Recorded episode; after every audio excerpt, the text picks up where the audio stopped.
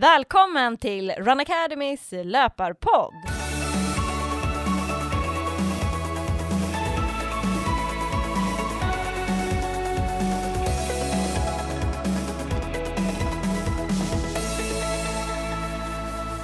Det här är podden för alla er som gillar löpning. I dagens avsnitt så kommer vi att få följa tre spännande resor och få höra vad löpningen betyder för dem. Dels för smärtlindring, psykisk ohälsa och för sitt välbefinnande.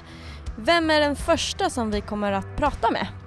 Vi kommer att prata med Anna Hedlund Wallström som är vår platsansvariga i Skellefteås löpargrupp. Hon har varit med som ledare och ansvarig flera terminer. Och hon var under 90-talet på en semesterresa med sin familj i USA och den semesterresan förändrade väldigt mycket i hennes liv.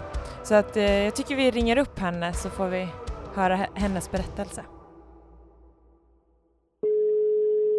Hej Anna. Hejsan Anna, det här är Petra från Run Academy. Och Johanna. Ja, ja men hej Petra och Johanna. Hej. hej, vad kul att vi får ringa och prata med dig. Du har ju en väldigt ja. spännande historia att berätta som, du, och ja. som vi gärna skulle vilja höra mer om. Ja, ja, men det var roligt att ni ringer upp mig. Ja. Kan du inte berätta, eh, du var ju med om en olycka för ett antal år sedan som har påverkat ja, dig väldigt mycket. Stämmer. Ja, det stämmer. Det här var under 90-talet. Jag var på en semesterresa tillsammans med min familj under sportlovet åkte vi till USA, Florida. Mm eh, och vi var på Epcot Center och Disney World. Hade hyrt en minibuss tillbaka till hotellet, så då hände det en olycka. Kom över en drogpåverkad man tydligen, fick vi veta i efterhand att han hade droger i sig. Körde över refugierna och så blev det en frontalkrock. Eh, vilket, ja, vilket resulterade i att Eh, eh, pappas bekant som körde bilen, han fick frakturer i benen. Pappa som satt fram, han fick revbensfrakturer, vatten i lungorna. Sen satt jag och min lillebror på sätet bakanför. Och min lillebror han klarades, klarades faktiskt med hjärnskakning och lite skrapsår och lite skärsår. Men jag råkade hamna, på den tiden så fanns det inte, där vi satt så fanns det inte en sån här trepunktsbälten, utan det var vanligt niobälte. Och det var så rejäl kollision så att bältet gick av. Och jag lyckades av någon underlig anledning hamna på golvet på, på bilen. Och kände ganska snabbt att det här är någonting som inte är som det ska. De övriga, de hoppade ut bilen. Och jag kände också att jag vill också ut, men det gick inte. Jag kunde inte röra på mig. Kände att jag hade jätteont i ryggen. Och sen gick ju allting så snabbt. Det kom en sirenljud och ambulanser. Och, så att jag, förmodligen så hade jag ju tuppat av också och vaknat upp i ambulansen och förstod ingenting. Eh, sen när vi kom in på sjukhuset så då hamnade jag på ett akutrum tillsammans med min lillebror. Eh, min övriga familj, mina föräldrar och min stora syster och våra bekanta som vi åkte med, de hamnade tydligen på ett annat sjukhus en ganska bra bit därifrån. Vi hade ingen aning om var, var de var någonstans. Att jag och min lillebror då, som var 11 år, vi satt, eller ja, var själva på ett akutrum i USA. Eh, och det blev röntgen och det resulterade i att sen att en läkare kom in, försökte förklara då på engelska och jag försökte förstå så gott jag kunde. Eh, jag såg att de kopplade in en kateter och jag såg att påsen fylldes men jag kände ingenting. kände ingenting. Jag förstod att det var någonting som inte stämde. Förklarade de då att jag hade fått krossfrakturer i ryggraden och att de söndertrasade kotorna tryckte på ryggmärgen vilket gjorde att jag inte kände någonting från midjan och ner. Oj. Eh, och då så, ja, det, man, det, det hinner ju gå massa tankar i huvudet.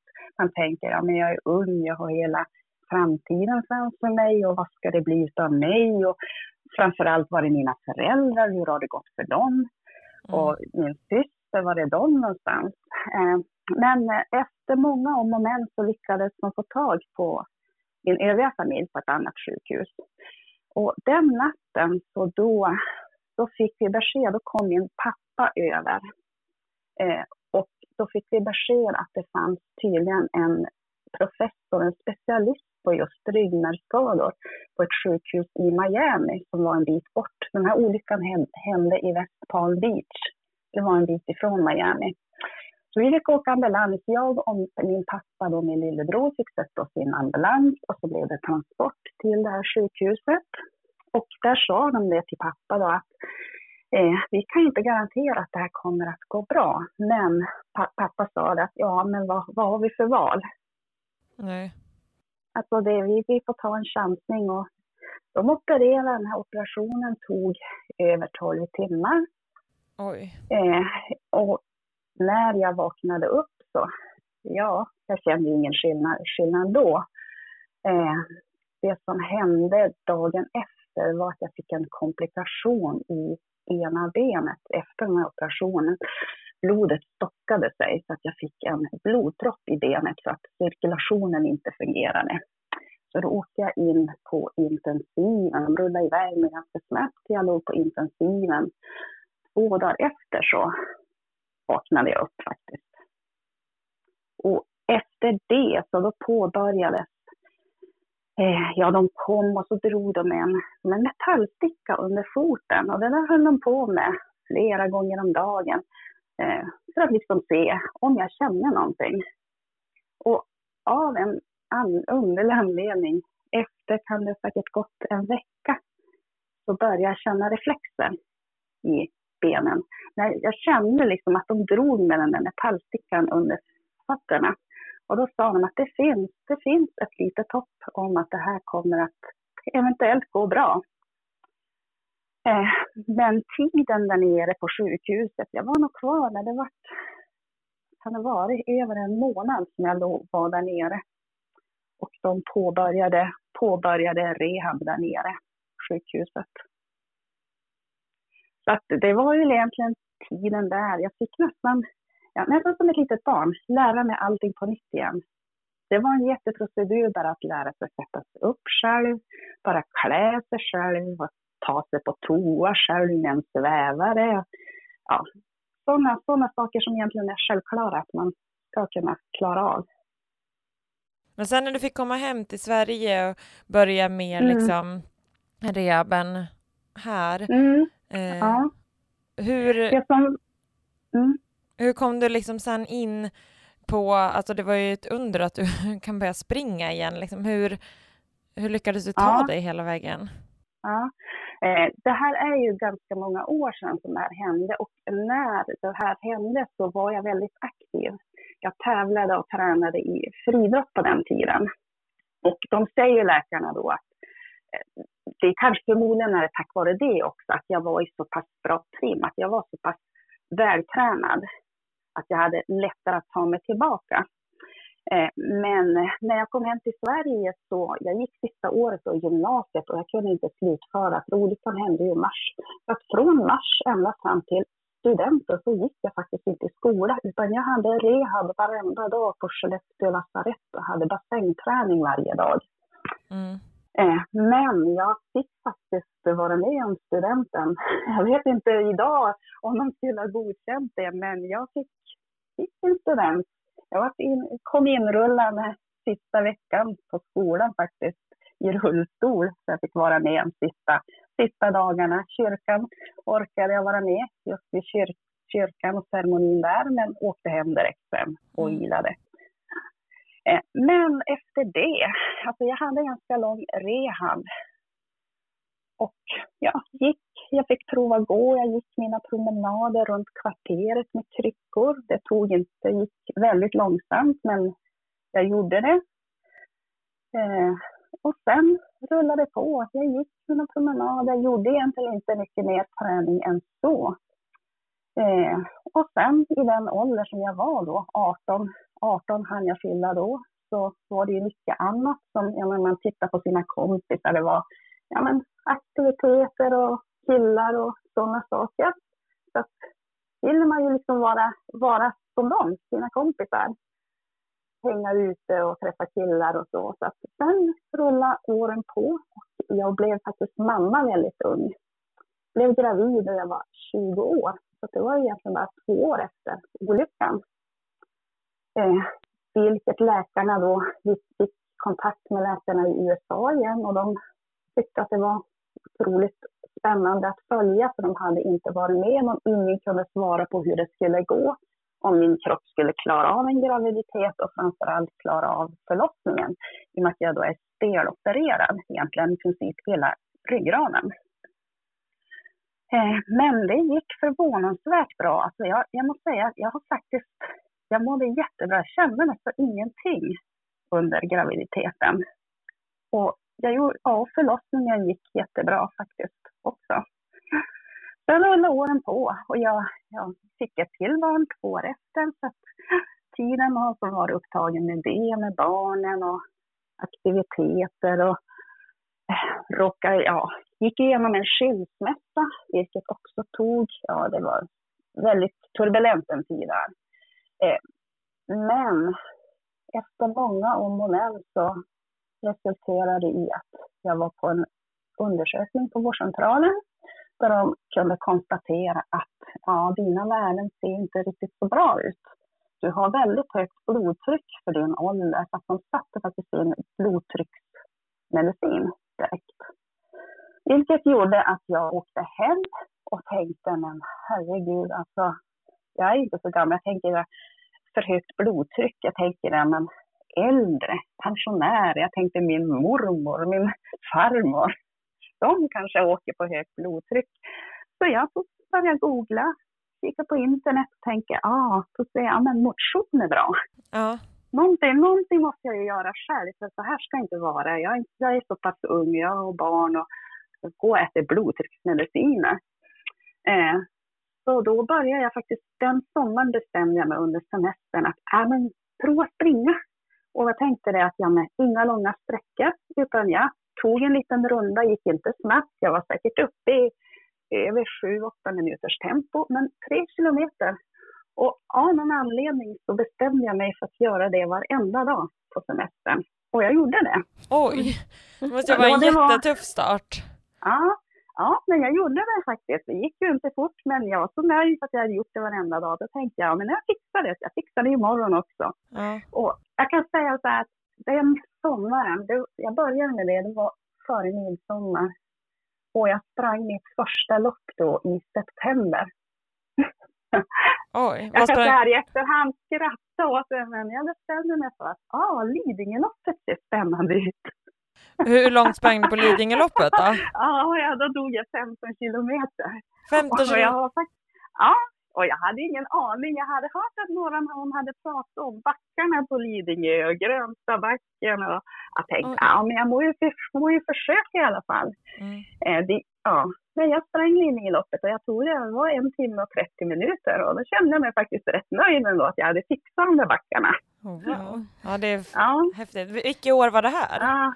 Hur länge sedan är det? Eh, det här är nog kanske, kan det vara, fem, fem sex år sedan. Ja. Mm, och sen efter det så har det rullat på. Jag har tränat på och jag tyckte jag fick sån boost av det där loppet att jag, ja, men, med tanke på liksom vad jag har varit med om, att jag liksom vet att jag har kämpat för att ens kunna klara av att gå igen. Så jag har legat på sjukhusgolvet och krypt fram av ren frustration bara för att ja, men jag ska ta mig framåt så var det som en seger. Även om jag i andra ögonsmått så kanske 1.30 inte är en supertid på 15 kilometer. Men för mig så var det så otroligt stort. Jag fick sån otrolig boost för jag kände att åh gud vad roligt det här var. Och jag kan det här och jag fixar det här. Mm. Och jag gör det för att jag vill det jag fortsatte. Jag har anmält mig till andra lopp efter det. Jag har sprungit Göteborgsvarvet, jag har sprungit Stockholm Marathon och egentligen den största utmaningen hittills, det var väl att jag gav mig på Ultravasan i fjol. Ja. Och sprang 90 kilometer. Ja. det är häftigt att liksom från att inte kunna röra sig till att kunna springa 90 Ja. kilometer. Ja. Ja. Men vad är kan jag- förklaringen, oj förlåt, vad är förklaringen Mm. till att du, du liksom har klarat, för läkarna sa väl att du aldrig ens skulle kunna gå? Liksom. Ja, ja. Eh, och jag har väl egentligen idag, jag har egentligen inte, kan egentligen inte se någon förklaring. Den enda förklaringen jag har är att jag hade en sagolik tur att jag råkade vara just på den platsen där jag var. Att det här hände i USA. Jag vet att läkarna här i Skellefteå, ortopederna här i Skellefteå har sagt till mig att eh, hade det här hänt, ja, men hade det hänt på en semesterresa i Spanien till exempel, så skulle jag förmodligen inte vara i det skick som jag är idag. Då skulle jag förmodligen ha kommit hem i rullstol och där hade jag nog fått sitta. Så att det var otroligt tur att jag råkade vara på den här semesterorten när det här hände. Jag träffade den här som var duktig på just ryggmärgsskador. Mm. Och sen också det, jag tänker så här, det måste ju ändå nu att du kan springa och att du, det måste ju vara mycket Mm. där, lite mentalt att du verkligen gav dig på att, ja men fick höra att Ja, du behöver äta Mm. blodtrycksmedicin och insåg att okej, men Mm. vad kan jag själv göra åt det? Att Mm, motion precis. har så stor betydelse. Mm, ja. Och sen så brukar jag resonera så här, ja, men när jag springer lopp, jag vet att eh, från början, det är ju det är väldigt lätt att jämföra sig med andra och jämföra, man kikar, sneglar lite grann på ja, men, sina medlöpare och kollar deras tider. Men idag så känner jag, och det känner jag som, nästan som en lättnad egentligen, att jag känner att jag har kommit till den här punkten att ja, men, jag tävlar inte mot andra. Jag behöver inte prestera. Jag springer inte lopp för att jag behöver prestera superbra tider. Utan jag springer lopp för upplevelse, upplevelsens skull och för att jag tycker det är så otroligt roligt. Och för att jag vet inom mig att ja, men jag fick en andra chans. Och jag vill ta den här chansen. Jag kan göra det här. Jag vet att jag kan göra det här. Och bara det känner jag är nästan en seger för mig. Sen kan jag tycka det är så otroligt roligt att springa lopp också. För under tiden jag springer, man träffar ju så otroligt mycket folk. Man ser otroligt mycket folk på de här större loppen. Ja, men Stockholm Marathon och ja, men Lidingöloppet och Ultravasan. Och under tiden jag springer lopp och jag ser så pass många människor så tänker jag så här, och tänker jag ofta, alltså, så fantastiskt egentligen att så många människor tar sig an det här, som springer det här. För man har ingen aning. Jag, känner, jag tycker så här, men alla är så otroligt duktiga. För man har ingen aning om vad folk har med sig i sitt bagage. Alla kämpar så otroligt mycket med sitt. Mm. Mm, verkligen. Men vi, eh, ni var väl några ledare? Var det, visst var det på inspirationshelgen som ni ledare bestämde att ni skulle springa Mm. Ultravasan? Ja, ja. Det var tydligen ett och bord där de satt och pratade om det här med Ultravasan. Nu satt jag vid ett annat bord. Men jag har ju kontakt med flera ledare och bland annat då några IT-ledare. Och då började de skriva på Facebook. Ja, men nu har vi anmält oss till Ultravasan och jag tänkte jaha, ja. Och det var någon som frågade, men annars går du inte med. Och då tänkte jag så här, ja men åh herregud, jag har inte sprungit längre än Stockholm Marathon. Och springa nio mil, det låter mycket. Men, men sen, sen så är jag väl lite grann så här, jag, jag, jag tycker det är otroligt roligt med utmaningar. Jag är inte rädd för utmaningar. Och jag tänkte så här, ja men vad är det värsta som kan hända? Alltså har du inte provat så vet jag ju inte om det, om det går eller inte. Och vad är det värsta som kan hända? Ja, men det värsta som kan hända det är väl i så fall att känner jag att det här inte går, då får jag väl kliva av. Så det tog bara några dagar, så då skickade jag till ledarna i Piteå. Ja, men okej, jag hänger på, jag har anmält mig. Ja. ja, så att vi får iväg, vi får iväg ett gäng. Eh, hyrde en minibuss som startade från Piteå, körde ner och hem, plockade upp oss några från Skellefteå också. begav vi oss iväg. Kul. Ja, och det var så fantastiskt roligt då, för en av ledarna från Piteå, vi, vi hade liksom bestämt så här att ja, men, eh, första gången vi gör det här och liksom vårt mål är väl egentligen bara att genomföra det här, ha roligt, klara reptiderna. Och det var otroligt. Alltså jag, man tänker en hel dag så här, vi höll på i 14 timmar, men en hel dag, en hel dag och liksom ändå ha roligt hela vägen. Wow.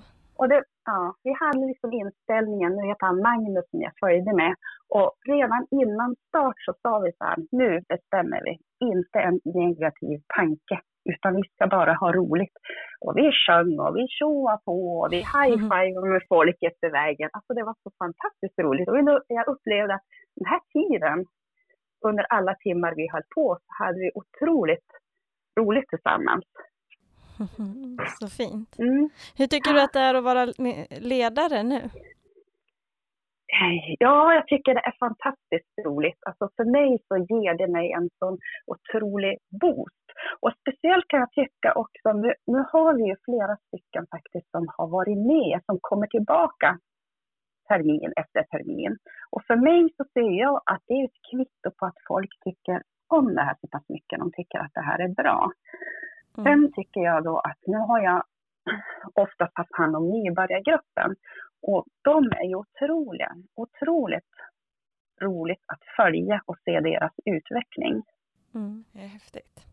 Ja, mm. Jätteroligt att få höra, eller spännande att få höra din resa och att du delar med mm. dig. Vad skulle du säga att löpningen betyder för dig idag?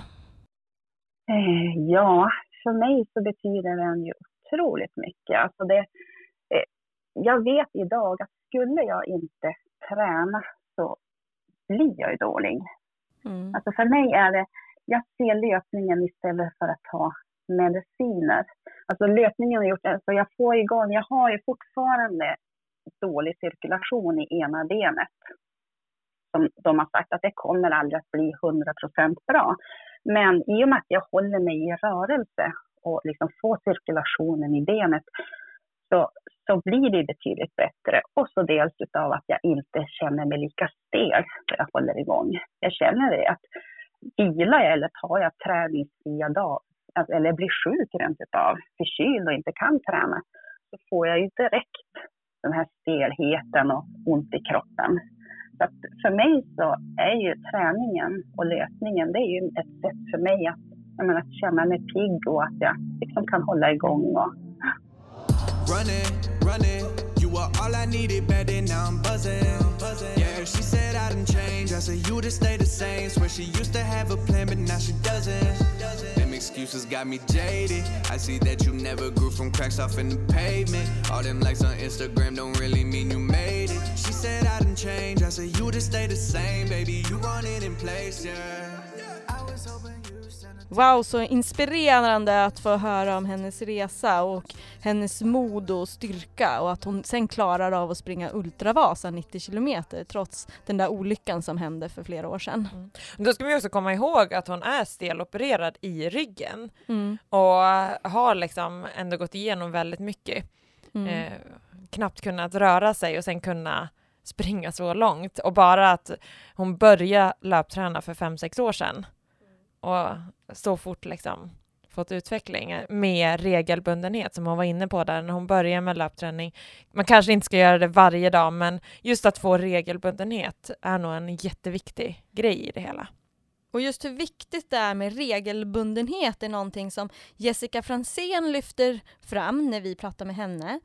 Jessica lider nämligen av någonting som heter reumatism, som är en kronisk sjukdom som ger mycket smärta. Och löpningen har blivit ett sätt för henne att hantera smärtan. Så vi ringer upp henne så får hon berätta mer om sin resa. Hallå! Hej, det är Johanna från Run Academy. Och det är Petra här från Run Academy. Hej! Hej Jessica! Vi vill ju höra lite mer om din inspirerande historia om löpning och hur du kom igång med löpning och vad löpningen betyder för dig. Ja. ja du, du är ju ledare nu för oss tillsammans med i min grupp här i Älvsjö och det är jättekul. Det är ja. första terminen som du är med och sen har du varit med som deltagare flera terminer också. Ja, ja. det stämmer. Ja. Eh, hur började du springa? Vill du dela med oss lite? Eh, jag, alltså jag har ju tränat och tävlat i, eh, alltid som barn och ungdom. Men eh, jag skadade mig när jag spelade fotboll när jag var 14-15 år. Eh, och sen så eh, efteråt har jag liksom fått konstaterat att den här skadan i foten har gjort att jag har fått en bäckenskada eh, och att jag har fått eh, reumatiska inflammationer och fibromyalgi. Så att jag har varit ganska sjuk och sjukskriven länge. Eh, men sen gjorde jag en sjätte fotledsoperation och då fick jag veta att jag skulle aldrig kunna springa igen. Och då började jag springa på riktigt. Oj, när var det här? det här var i eh, december 2013 som jag fick veta att jag inte skulle kunna springa. Eh, utan hade fokus på att eh, gå och försöka bli smärtfri i foten då framför allt. Ja. Eh, och då eh, gick jag till min sjukgymnast och sa att jag vill börja springa. Hade du sprungit då innan dess en del? Eh, ja, inte så att jag hade liksom löptränat, men jag har ju alltid tränat. Ja. Och löpning ingår ju när man spelar fotboll eller innebandy, friidrottar, vad man nu gör. Just det. Men aldrig löptränat på det sättet. Mm. Var det något som triggade dig då när du fick höra att du inte skulle kunna springa? Att okej, okay, det här vill jag motbevisa eller varför var du så mån om då att du verkligen ville springa? Ja, jag tror att det blev en... Eh, först så hade jag jättesvårt att acceptera min skada. Så att jag kunde ju inte ens gå från början. Eh, utan det tog jättelång tid innan jag kunde gå utan kryckor och eh, smärtlindring. Men eh, det blev väl också någon sån här, den här tävlingsdjävulen slog till. Eh, och jag kände liksom att jo, det ska jag kunna. Även om det var liksom så här helt omöjligt från början. Så eh, med hjälp av sjukgymnasten så eh, kom vi på en strategi. Jag fick ju inte börja med att springa utan jag fick ju börja med att träna framförallt mage, rumpa och så vidare för att liksom få upp en styrka för att kunna ta mig framåt. Eh, och sen så småningom så kom vi då till eh, det här löprehab-schemat när jag fick jogga en hel minut. Eh, och sen så eh, har det gått framåt, väldigt mycket bakåt och så lite framåt igen. Och så har jag fortsatt på den vägen. Eh, och det, har, det har gått väldigt mycket upp och ner. Jag har ju haft otroligt mycket motgångar också på den här vägen. Det låter ju som att liksom, ah, jag började springa och sen har jag inte slutat. Eh, och det, det, är inte riktigt sant. Jag har slutat så många gånger. Och sen har du börjat igen? ja, veck veckan efter har jag varit på det igen. ja. Men vad är det som driver dig nu i löpning, att du verkligen vill framåt hela tiden? Eh, det största drivet är att det är smärtlindrande. Eh, du dämpar väldigt mycket smärta i kroppen när du springer och framförallt springer regelbundet. Eh, och det gör ju att man ger sig ut på små korta runder även fast man inte vill någonstans. Hur, hur ofta skulle du säga att du behöver springa i veckan för att du ska känna att det är liksom regelbundenhet och att det verkligen hjälper dig mot din smärta? Ja, två, två gånger i veckan, två, tre gånger i veckan. Eh, men om jag får till de här lite längre passen som riktigt kickar igång systemen så en till två gånger i veckan. Mm. Hur långt brukar du springa då? Eh, ja, det är väl eh, när man kommer runt eh, 30, 40, 50 minuter. Eh, jag kollar inte så mycket på hur långt, Nej. utan snarare hur länge ja, men exakt. Mm. Mm. Men du har ju sprungit väldigt mycket de senaste åren, alltså lite olika lopp och lite annat också. Inte sant? Ja, ja. ja mycket lopp. Ja. För det är där man blir väldigt peppad. Mm. Och jag springer bara för medaljer, så finns det ingen medalj, då är det inget lopp jag springer. det är bara att få den där medaljen efter och känna belöningen för det. Ja, men det är lite så jag sorterar mitt liv just nu. Att när jag sätter mig ibland, när jag lägger in, jag har mina medaljer i en hög. Ja. Så att jag har dem inte på något speciellt ställe. Men då kan jag sitta och sortera upp och konstatera att ja, men nu har jag sprungit det här loppet så här många gånger. Mm. Och så kan jag gå tillbaka och känna liksom så här, just det, när jag sprang den gången, det var då det regnade och allting var jättejobbigt. Eller det var då det var helt fantastiskt och det var perfekt väder. Och, så att man får liksom lite perspektiv över livet också när man kan gå tillbaka i medaljerna och se vad jag faktiskt har klarat av och vad jag har gjort fast mm. jag inte skulle kunna. Ja, ja det är väldigt äh, häftigt. Ja, det är lite dagbok över mina medaljer. Och ibland hittar man någon som man funderar på, undrar vad det här var för någonting. Om man har varit och sprungit något mindre lopp någonstans. Mm. Och du sprang ju också ett, eh, du sprang väl maraton nu för någon vecka sedan på en friidrottsbana? Ja, Hur klarar var- man att springa ett maraton på en friidrottsbana? det undrade jag också. Men det gick... det, var, det var väldigt intressant faktiskt. Eh, jag, jag hade förväntat mig att det skulle vara otroligt jobbigt.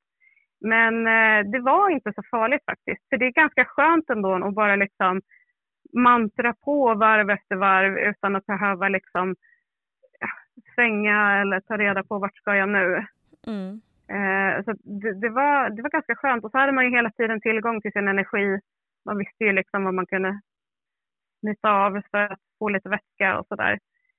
Eh, och sen så hände det ju saker runt omkring en hela tiden. På förmiddagen var det friidrottsträningar så då var jag lite påhejad av lite elever och sådär.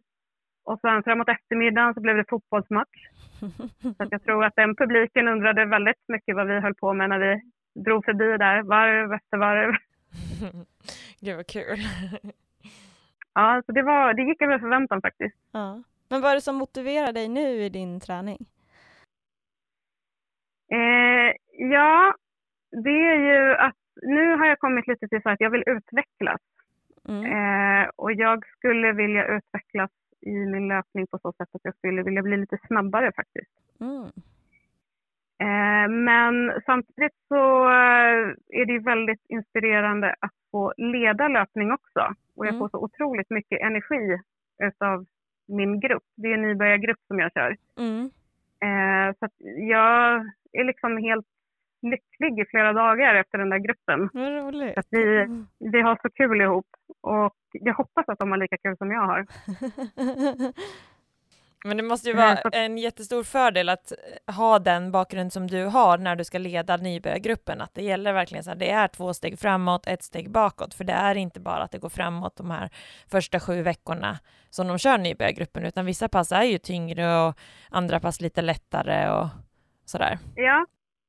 Eh, ja, och jag tror att jag hoppas på att jag ska kunna peppa dem sen när det börjar dippa lite. För förr eller senare så går man ju inte rakt upp längre utan man stannar ju till åtminstone. Kanske till och med backar lite. Ja. Eh, och jag tror att de har märkt att jag kanske är lite annorlunda också. För jag hade ju ett pass på cykel där direkt efter maran när jag inte kunde gå. Ja. Eh, så de var ju väldigt frågande när vi skulle köra trail och de frågade hur mår foten? Ja, den är fortfarande kass. Men eh, det går om man vill. Ja. Men har du, det, det det fortfarande, hoppas. har du fortfarande Ja. ont i foten när du springer? Ja. Det, det har Den alltid gör gjort ont. ont. Ja. Ja, den gör ont 24 timmar om dygnet. Oj. Eh, mer eller mindre. Eh, och när man gör då, jag var inte riktigt tränad för maran och springa så pass länge, det är klart att det sliter på foten. Ja. Så jag har eh, fortfarande lite låsningar och lite problem. Ja. Eh, söndag, måndag gick jag faktiskt på kryckor efter maran. Oj. Så att jag kunde inte sätta ner foten. Eh, men jag vet att det går över Ja. så småningom. Men det hjälper liksom ändå att springa sen, alltså ta det lite lugnt men sen börja successivt igen och springa. Hjälper ändå, det Ja. blir inte värre av att göra det. Nej, ofta så blir det bättre. Nu efter trailpasset vi hade så blev jag väldigt mjuk och fin i foten. Så att den är mycket bättre nu än vad den var innan passet. Just det. Men du har lärt dig att det- leva med liksom, att det gör ont och sen kör på ändå, om man säger. Ja. Mm. Men de, Eh, och jag, de bakslag du har fått, vad är det som har hänt då? Liksom? När, du, när du säger att du gått några steg fram, men sen att du har gått bak. Vad är det som har hänt när du har gått bak? Från första början, då var ju bakslagen eh, extrem trötthet framför allt. Så det Mm. tar ju så otroligt mycket energi i kroppen att återhämta sig. Mm.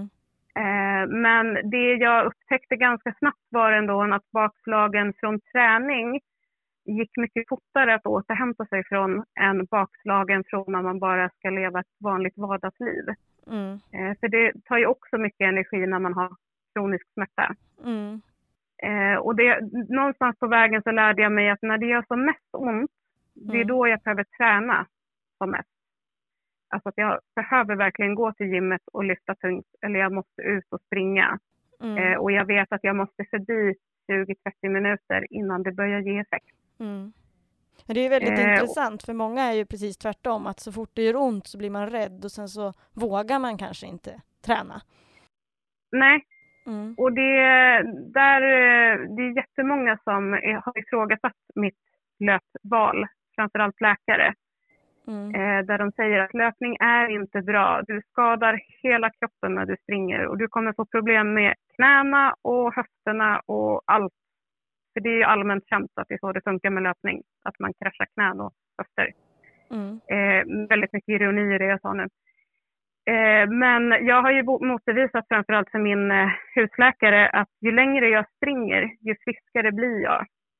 Och jag har faktiskt gått från heltidssjukskriven eh, till att jobba heltid. Och det är löpningen som har tagit mig dit. Men de här bakslagen i löpningen idag, det är ju framförallt att jag får problem med att gå på foten Mm. vilket då skapar problem i min höft som har blivit skadad utav foten och sådär. Men det, det ger så mycket mer än vad det tar. Så att man får bita ihop de här dagarna och så vet man att det kommer bli lite lättare nästa gång och lite lättare nä- nästa gång. Mm. Ja, det är häftigt hur löpningen kan ha, alltså det är ju just det där att många tror ju att löpning mer ska skada än göra nytta, men det finns faktiskt mycket nytta med den också, att man även om en fot är skadad så kan man belasta den, bara man lär sig Mm. hantera det på rätt sätt. Precis. Och sen är det ju mycket styrka bakom också. Det är mycket styrketräningspass Mm. för att hålla. Mm. Eh, och det är väl kanske det som är lite skillnaden mellan de som går ut och springer för att springa och springer för fort och för långt. Då kommer ju skadorna också. Mm. Så att det är väldigt strikta träningsscheman under de perioderna när jag är sämre. Där man hela tiden måste balansera mot vad är för mycket. Mm. Men- Ehm, Du har ju kört eh, flera terminer med oss eh, i våra löpargrupper innan du nu i höst eh, blev ledare. Hur har det fungerat Mm. för dig att springa i våra grupper med din bakgrund? Med din bakgrund? Eh, oftast har det fungerat väldigt bra för att man anpassar ju sig ändå efter förutsättningarna. Eh, och förutsättningar för mig är ju framförallt väder och vind, så det sliter rätt bra på lederna. Eh, men också hur jag har sovit innan och hur jag har ätit. Nu har jag tränat på måndagar, så då har man ju ändå haft hyfsat med energi efter helgen. Eh, sen har man ju tittat lite på så här, vilken grupp man ska ställa sig i. Ska jag köra lite hårdare idag eller ska jag köra lite lättare? Och sen har jag ju haft pass där jag har joggat upp, känt efter och nej, det här går inte. Och sen har jag stått och tittat på de andra när de har kört intervaller. Och sen har vi joggat tillbaka igen.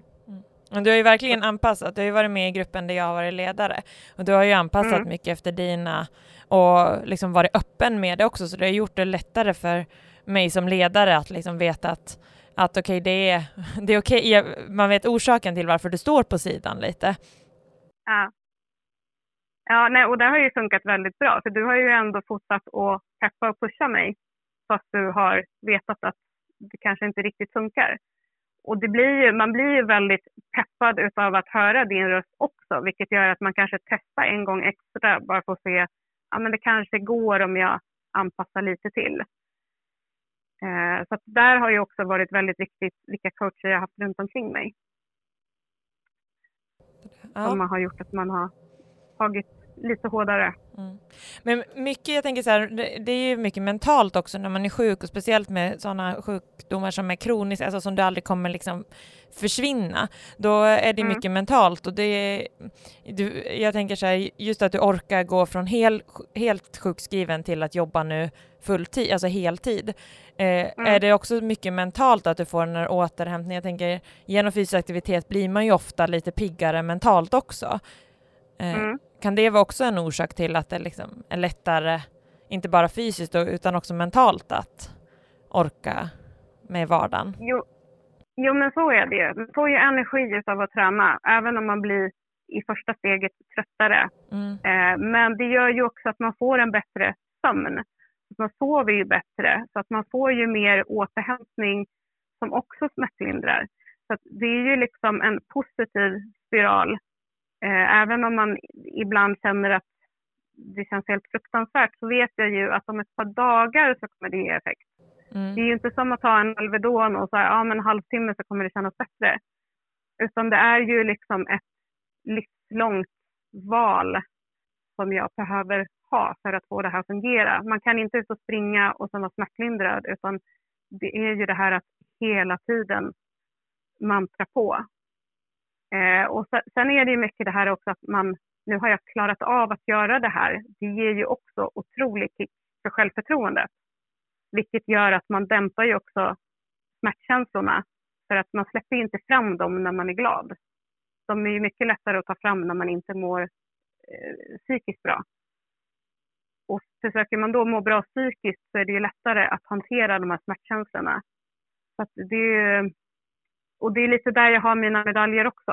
Att jag kan titta och säga att men jag klarade faktiskt av att ta mig igenom en maraton eller en eh, tough viking eller vad det nu är jag har presterat.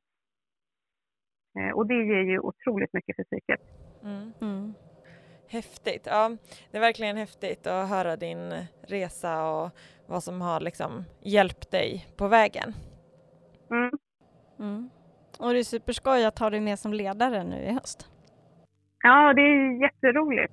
Mm. Eh, fortfarande lite så här skräckblandad och förtjusning, men jag tror att jag börjar vänja mig. Eh, någonstans är det lite lättare att leda vuxna än att leda barn. Och det är ju barnen jag är van vid att leda annars. Så, så det är jätteroligt.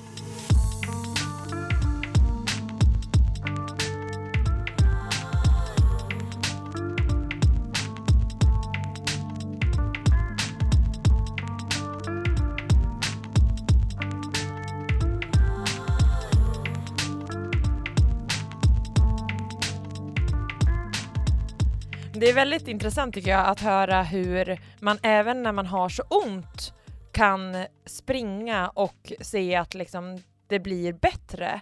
Kanske inte direkt efteråt men att hon ser att med hjälp av att hon springer en dag så kan det kännas mycket bättre flera dagar efteråt. Det tycker jag är häftigt. Sen tror jag också att, som hon var inne på, att det även ger väldigt mycket mentalt till henne. Att eh, vara ute och springa och få den här eh, känslan av att man, liksom, man blir lite piggare av att ha rört på sig. Det som verkligen fysisk aktivitet ger. Mm. Ja, det var väldigt kul att få, och inspirerande att få höra om Jessicas historia. Och då kommer vi verkligen in på hur eh, fysisk aktivitet kan påverka det mentala och psykisk ohälsa som Pernille, vår ledare i, i Malmö, berättar lite mer om. Om hennes resa från utbrändhet och hur löpningen hjälpte henne tillbaka till arbetslivet men också till att få en drägligare vardag, orka med små saker i vardagen som var det första steget efter hennes utbrändhet. Det är Pernilla. Ja, hej, det är Johanna från Run Academy och God Löparpodden. morgon! Hej, och Petra här också. Japp, jag hade en, en avslöjande app på telefonen så jag såg att det var ni som ringde. Ja, kul. Eh, vad roligt att vi får prata lite med dig. Vi tänkte, eh, jag tänkte kolla först lite så här hur, hur det liksom hela börjar, alltså bakgrunden till din utbrändhet.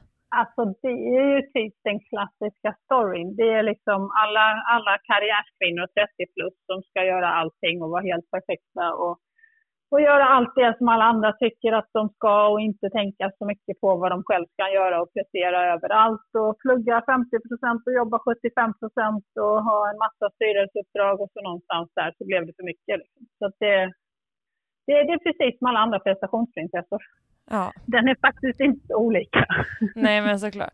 Eh, men vad, hur länge sedan är det som du blev utbränd? Eh, Det är snart tio år sedan, för det var nämligen den 1 februari 2011. Oj. Hur startade det?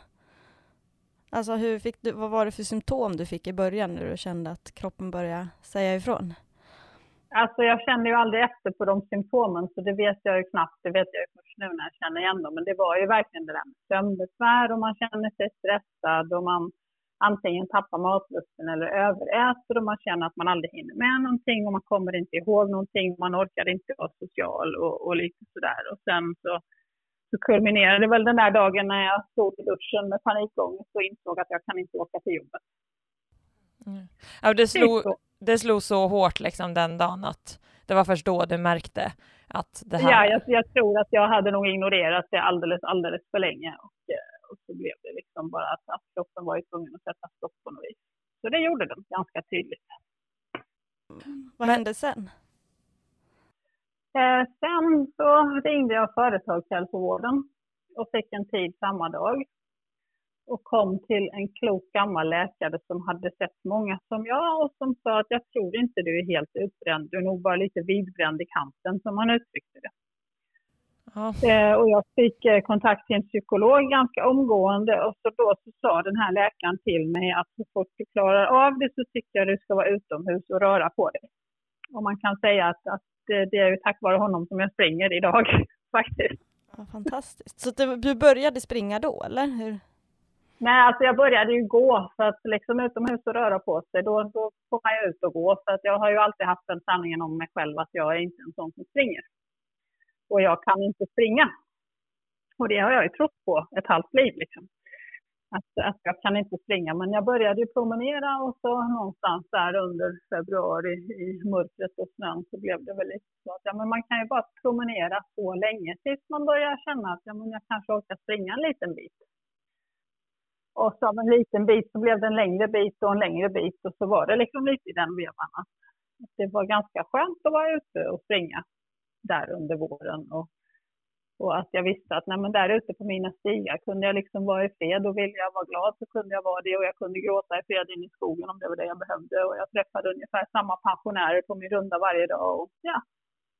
Nej, men det var liksom tryggt och bra. Så insåg jag också att, att varje gång jag hade varit ute och rört på mig så mådde jag faktiskt bättre och så orkade jag lite till. Så att, att det blev att nej, men för att jag har varit ute i en halvtimme så kanske jag orkar sortera lite post eller laga mat eller handla mjölk. Liksom.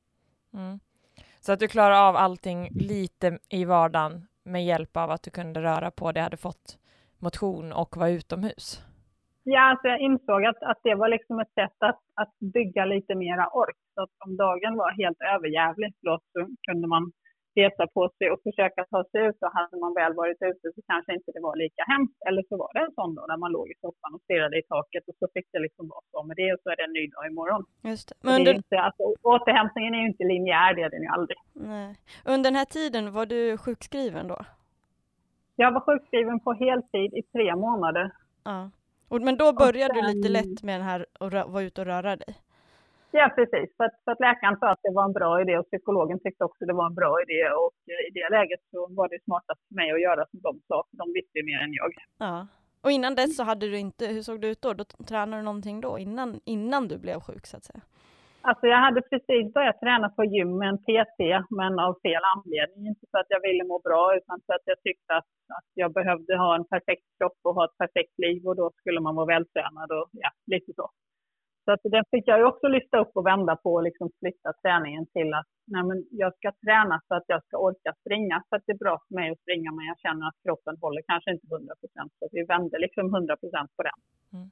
Men fortsätter du med peten samtidigt som du tränade själv, alltså var ute och sprang själv där när du hade blivit? Ja, det gjorde, det gjorde jag faktiskt. För att jag insåg att det var också ett bra steg i återhämtningen att träffa honom kanske en gång i månaden och få lite träningsprogram. För att jag kunde, jag klarade av att gå till gymmet om jag gick på förmiddagen när det inte var så mycket folk. Jag kunde inte gå dit när det var mycket folk och mycket ljud och sånt, men, men på förmiddagen när det var kanske bara jag och två till i hela gymmet så, så räddade jag liksom ut och var där. Och mådde också bra av den träningen. Så att den kombinationen var ganska bra för mig. Mm. Hur fortsätter du sen när det kom? Du sa att du var sjukskriven i tre månader helt. Och mm. sen hur fortsätter du med träningen efter det? Alltså sen började jag jobba 25 procent och gjorde det säkert också i typ tre månader tror jag. Och, och, det var då jag märkte att men om jag har sprungit en runda på morgonen så orkar jag bättre med de där två timmarna på kontoret som jag var där varje dag. Eller alternativt att nej, men om det har varit jobbigt så när jag kommer hem så kan jag jogga en sväng eller jag kan gå till gymmet före eller efter träningen och så är det lättare att hantera eh, kontorsmiljön. För det var egentligen arbetsmiljön som som visade sig vara mitt största problem när jag kom tillbaka. Att jag var lite ljudkänslig och känslig för mycket folk omkring mig och sånt. Men så då kunde man liksom, att, att jag på något vis kunde bygga upp lite mer motståndskraft genom att träna. Mm. Det är och det fortsätter och det har du fortsatt med sen efter det också. Du har fortsatt på samma jobb eller har du bytt jobb? Jag har fortsatt på samma jobb men i en annan tjänst. Ja. Och så har jag haft lite olika anpassningar genom åren med eget rum och, lite sånt när det har behövts. Så att jag har haft en ganska lyhörd arbetsplats. Men, men sen är det ju fortfarande så att jag kan fortfarande komma hem och liksom komma in genom dörren och säga hej älskling, prata inte med mig innan jag har varit ute och sprungit.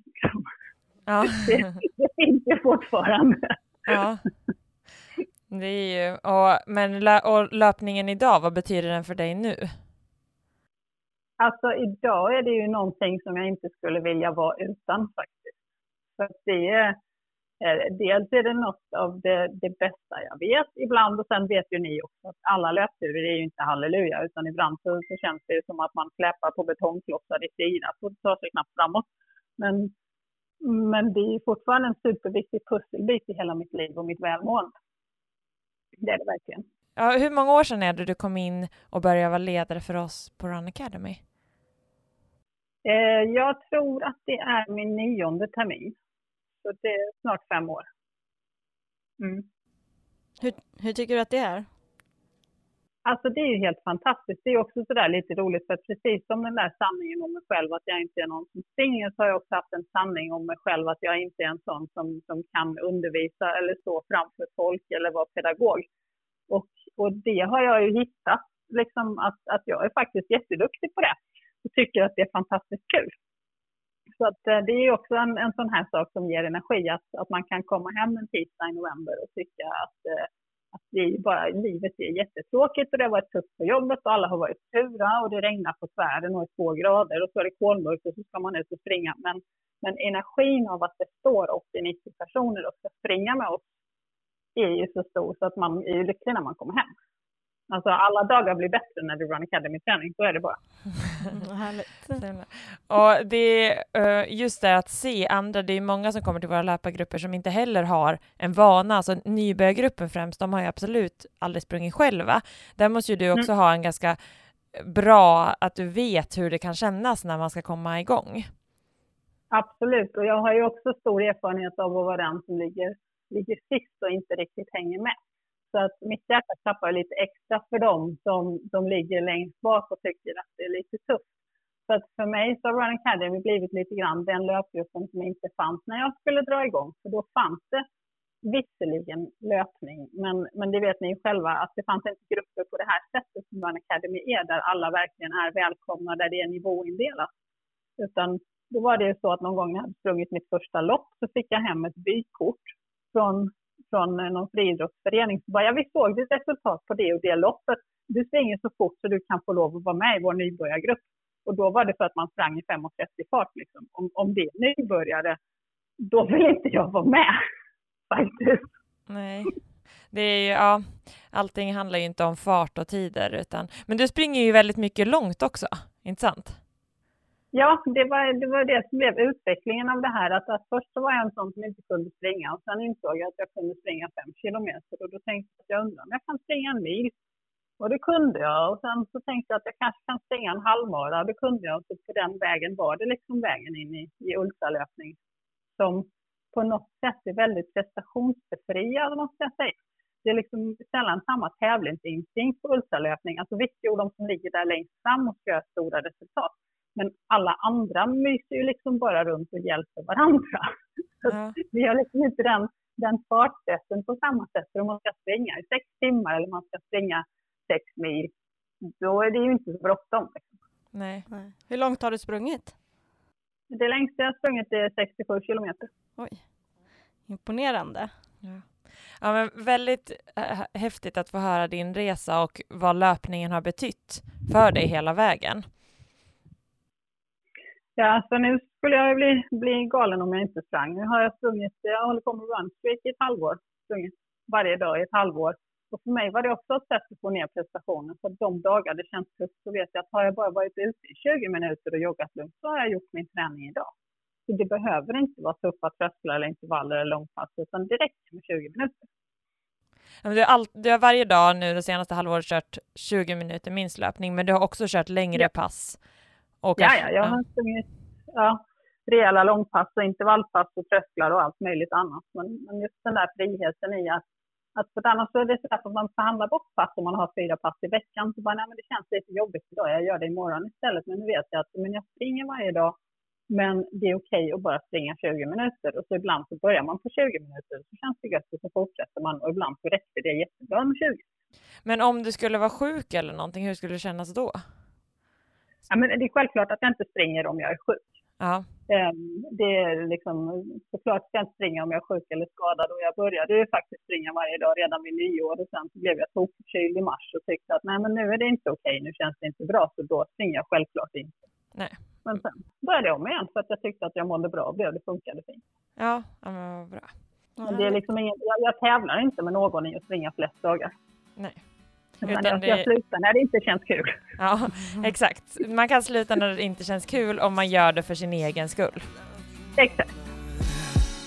For the mom who lost her baby, healing never came away. The thought of it drives her to her knees. I'm serving a savior who sent his one and only son to die for you when he knows all your needs. Listen, I don't claim to know it all, but I know that he loves you, and I know the pain that you feel when you lose.